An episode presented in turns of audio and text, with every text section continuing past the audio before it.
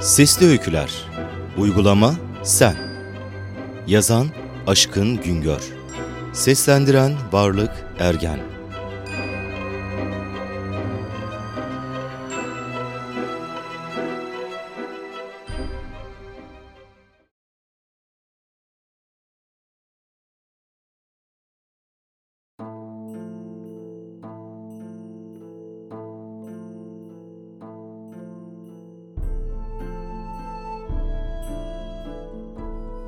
Ey okur!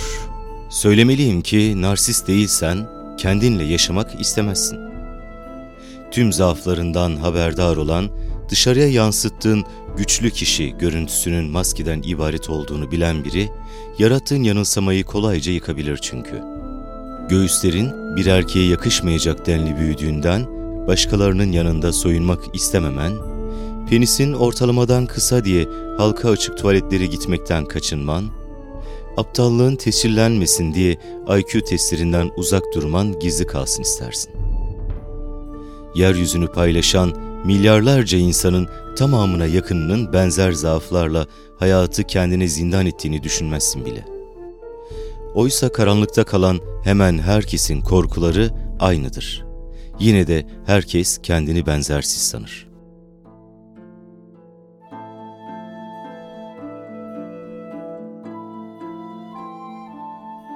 Bunlar bir zaman inandığım şeyler. Ah nasıl da kibirli bir zibidinin terennümleri değil mi? Evet ey okur, gurur duymasam da bir zamanlar öyleydim. Hala aynı mıyım bilmiyorum. Belki de, emin değilim. Çünkü insanlar hakkında bildiğimi düşündüğüm her şeyi basit bir uygulama yerle bir etti. Neyse, bunu zaten öğreneceksin. Hatta çoktan öğrenmiş bile olabilirsin.'' Ne gam.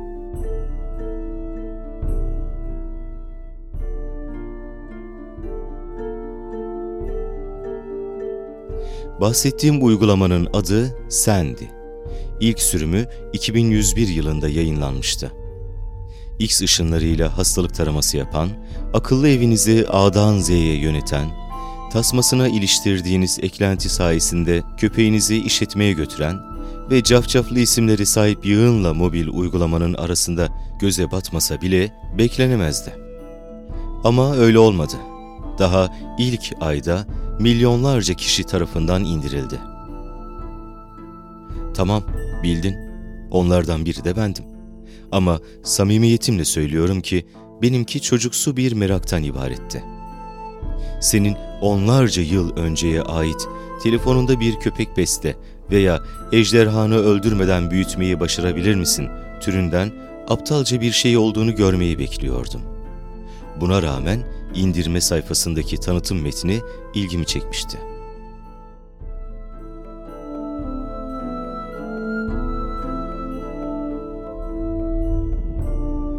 Seni senden daha iyi kim tanıyabilir?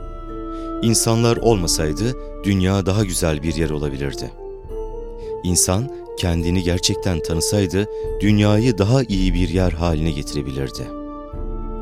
Peki bunu şimdi yapmaya ne dersin? Geç kalmadın. Mavera topluluğunun ürettiği sen sana yardım edecek. Seninle birebir aynı şekilde düşünen bir kopyanın telefonunda yaşamasını istemez misin? Haydi, şimdi seni indir. Kendini indir. İndirdim. Ekranı bilerek derisiyle bütünleştirilmiş, kulak içine yerleşik mikrofonu olan son model telefonlara rağmen klasik saydam kasa kullananlardandım. Ay yüzeyindeki ilk insan kasabası olan çoğunluğun 10. kuruluş yılı şerefine Apple'ın ürettiği katlanabilir bir telefon olan iPhone Majority Plus cihazımdan memnundum. Eh, aslında memnundan da öte cihazıma aşıktım. Onu sadece iletişim için değil, eğlence için de kullanıyordum. Vücudumuzun uzantısı gibiydi.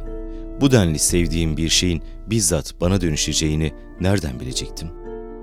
Seni çalıştırdığım ilk anda bile umduğumdan daha gelişmiş bir uygulama olduğunu sezmiştim. Ama üstünde durmadım. Sonuçta günlük işlerimizi kolaylaştıran sayısız yazılımın da ilk bakışta sihir gibi görünen pek çok özelliği vardı. Öyle değil mi? Ekran fosforlu yeşil renkle aydınlandı ve kocaman beyaz harflerle tarama başlatılıyor yazdı. Bir saniye sonra yüzüm ekrandaydı.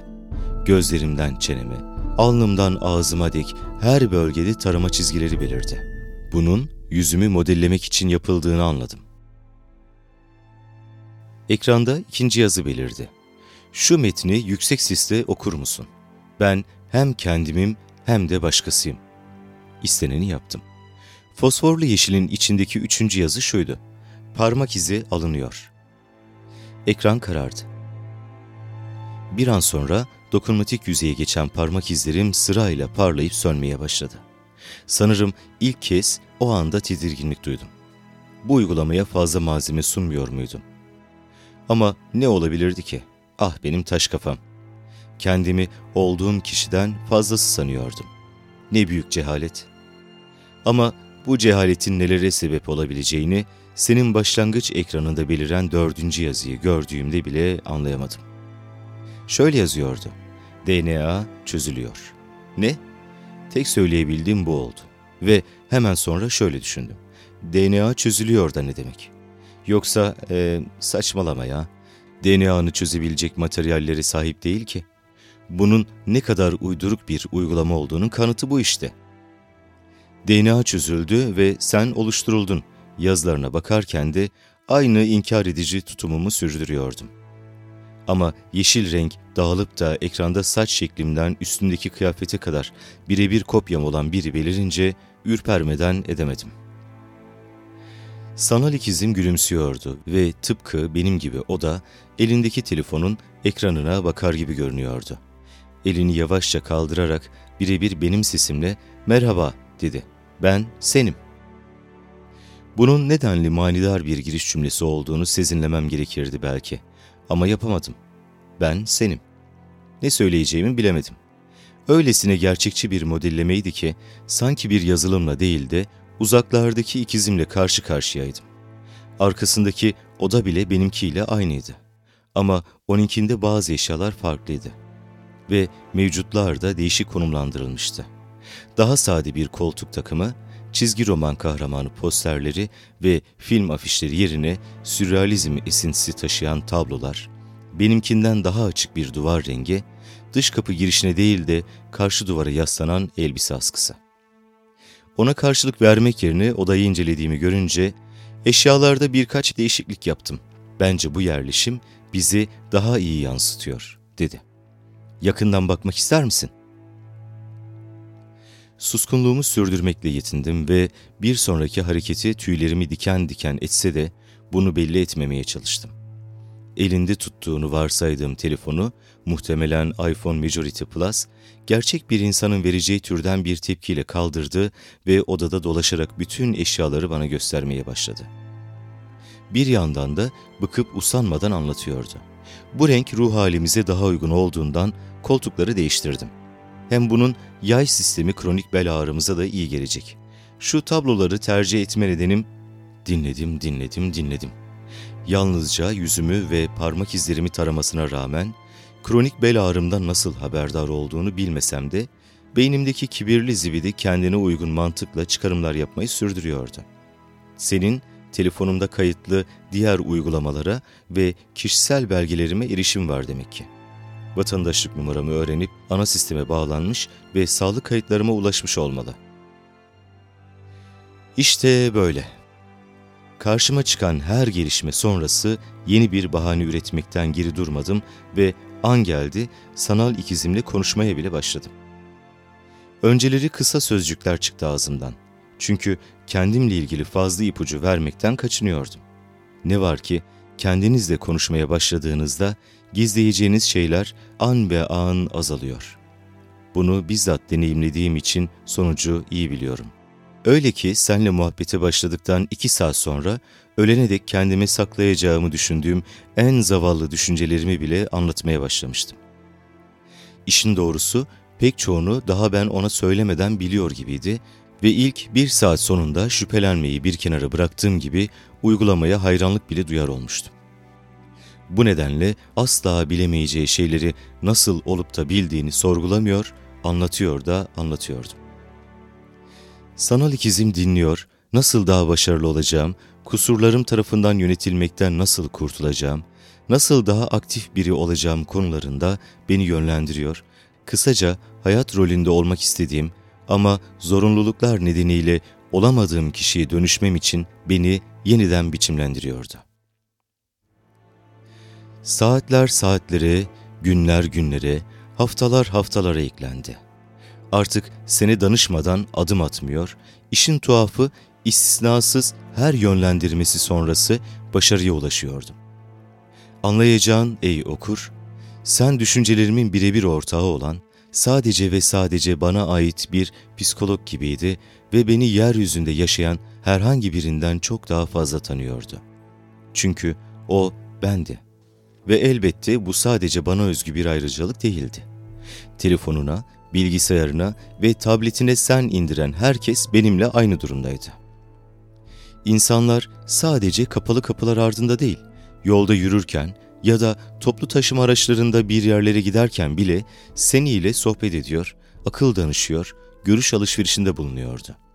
Bunun ne kadar korkunç bir şey olduğunu yaşamadan bilemezsiniz. Herkes dış dünyadan yalıtılmış, içine kapanmış gibiydi. Dış dünyaya bir şekilde nüfuz ediyormuş gibi görünenler bile hologram film karakterlerini andırır olmuştu. Oradaydın ama yoktun da. Nefes alıyor, söylenenlere tepki veriyor ama bir an sonra senin mistik ve görünmez kabuğuna teslim oluyordun. İpleri başkasının elindeki bir kukla gibi. Senle ilgili komplo teorileri tam da bu dönemde patlak verdi. Uygulamanın üreticisi Mavera topluluğunun indirme sitelerinde yer alan adresinin onlarca yıldır boş olan bir depodan ibaret olmasının da körüklediği çılgın fikirler dillendirilmeye başlandı. Mavera topluluğu bu boyuta ait bir şirket değildi. Paralel boyutlardan birinde yer alıyordu ve sen ile bizim boyutumuza sızmayı başarmıştı. Hayır, sen insanoğlunu köleleştirmek isteyen uzaylı işgalcilerin bir oyunuydu ve amacına adım adım ulaşıyordu. O da değil, sen yeryüzünü alternatif enerji faylarıyla sarmalayan sanal makinelerin bilincine kavuşmuş haliydi ve dünyayı insanlardan temizlemeyi amaçlıyordu. Bu tip komplo teorileri sonsuz sanal denizde aniden ortaya çıkıyor ve tuhaftır çok kısa süre sonra yayından kalkıyordu. Herhangi birine rastlayıp okumak mucize kabilindendi. Herhangi biri bir bağlantı paylaşıyor, ona tıkladığında genellikle öyle bir sayfa yok yanıtı alıyordun. Sanki internet ummanındaki kudretli bir güç senle ilgili kuşkuların artmasını istemiyor, yazılara ulaştığı anda yok ediyordu. Doğaldır ki bu durum soru işaretlerini arttırdığı gibi uygulamaya dair merakı da körüklüyordu. Milyonlarla ifade edilen kullanıcı sayısı bir anda katlanarak milyarlara ulaştı. Ve aynı anda çok dikkat çekici bir komplo teorisi daha ortaya düştü. Sürüm numarası. Sen hayata geçtikten sonra peş peşe güncellemeler yayınlanmış, iki buçuk ayda defalarca sürüm atlamıştı. Son sürüm numarası manidardı. 6, 6, 6. Yan yana 3 tane 6. Efsanelerde Deccal'in kodu diye anılan rakam. İlginçtir ki bu sürümden sonra başka güncelleme yayınlanmamış, uygulama bu adıyla anılmaya başlamıştı. Sen 666. Eski kehanetler 666'nın kıyametin numarası olduğunu, bazı insanların Deccal'e ait bu işareti hayranlıkla taşıdığından söz ediyordu. Ne kadar da duruma uygun bir tespit değil mi? Ah kutsal delilik! Bütün bu işaretlere karşın sen müptelaları ve tabii ki bendeniz yaklaşan şeyi görmemekte direniyorduk. Ve böylece büyük soykırıma gönüllü olduk. İnsanlığın sonu. İlk ölüm haberlerini senle bağdaştırmak imkansızdı. Çünkü tamamı kaza veya intihar haberleriydi. Ne var ki çok geçmeden kazaların da, intiharların da sayısında trajik bir artış gözlendi. Ardından da tanıklıklar geldi zaten. 1800 yolcu taşıyan bir hızlı trenin raylardan çıkıp bir binaya toslamasına Batman'ın senle girdiği derin muhabbetin neden olduğunu gösteren kamera kayıtları ortaya çıktı. Ve bunu diğerleri izledi.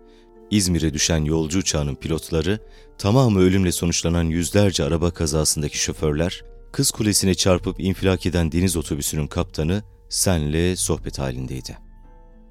Uygulama kısa sürede tüm dünyaya yayılmıştı ve hepsinde oranın lisanına göre isimlendirilmişti. Sen, sen, you, zi, vi, fu. Bu nedenle kazalar ve intiharlar tüm yerküreye salgın gibi yayıldı. Ve bir süre sonra ele geçmeye başlayan görüntüler intiharlardan da senin sorumlu olduğunu ortaya koydu. Aylar boyu verdiği olumlu yönlendirmelerle kullanıcısını bir anlamda köleleştiren uygulama, kişiyi bu dünyada yaşamanın lüzumsuz olduğuna da ikna edebiliyordu. Yıllar boyu izlediğimiz korku filmlerindeki kötü adamın yeniden ortaya çıkması klişesinin gerçek hayatta nedenli korkutucu olduğunu biliyor musun ey okur? Ben biliyorum. iPhone Majority Plus'ımı elime aldım ve dona kaldım. Küskün bir ifadeyle bakan sanal ikizim ekrandaydı. Neden benden kurtulmak istedin ki diye sordu. İyi anlaştığımızı sanıyordum. Çığlık atarak telefonu fırlattım. Evimdeki bütün elektronik aletlerin ışıkları yanıp sönmeye başladı.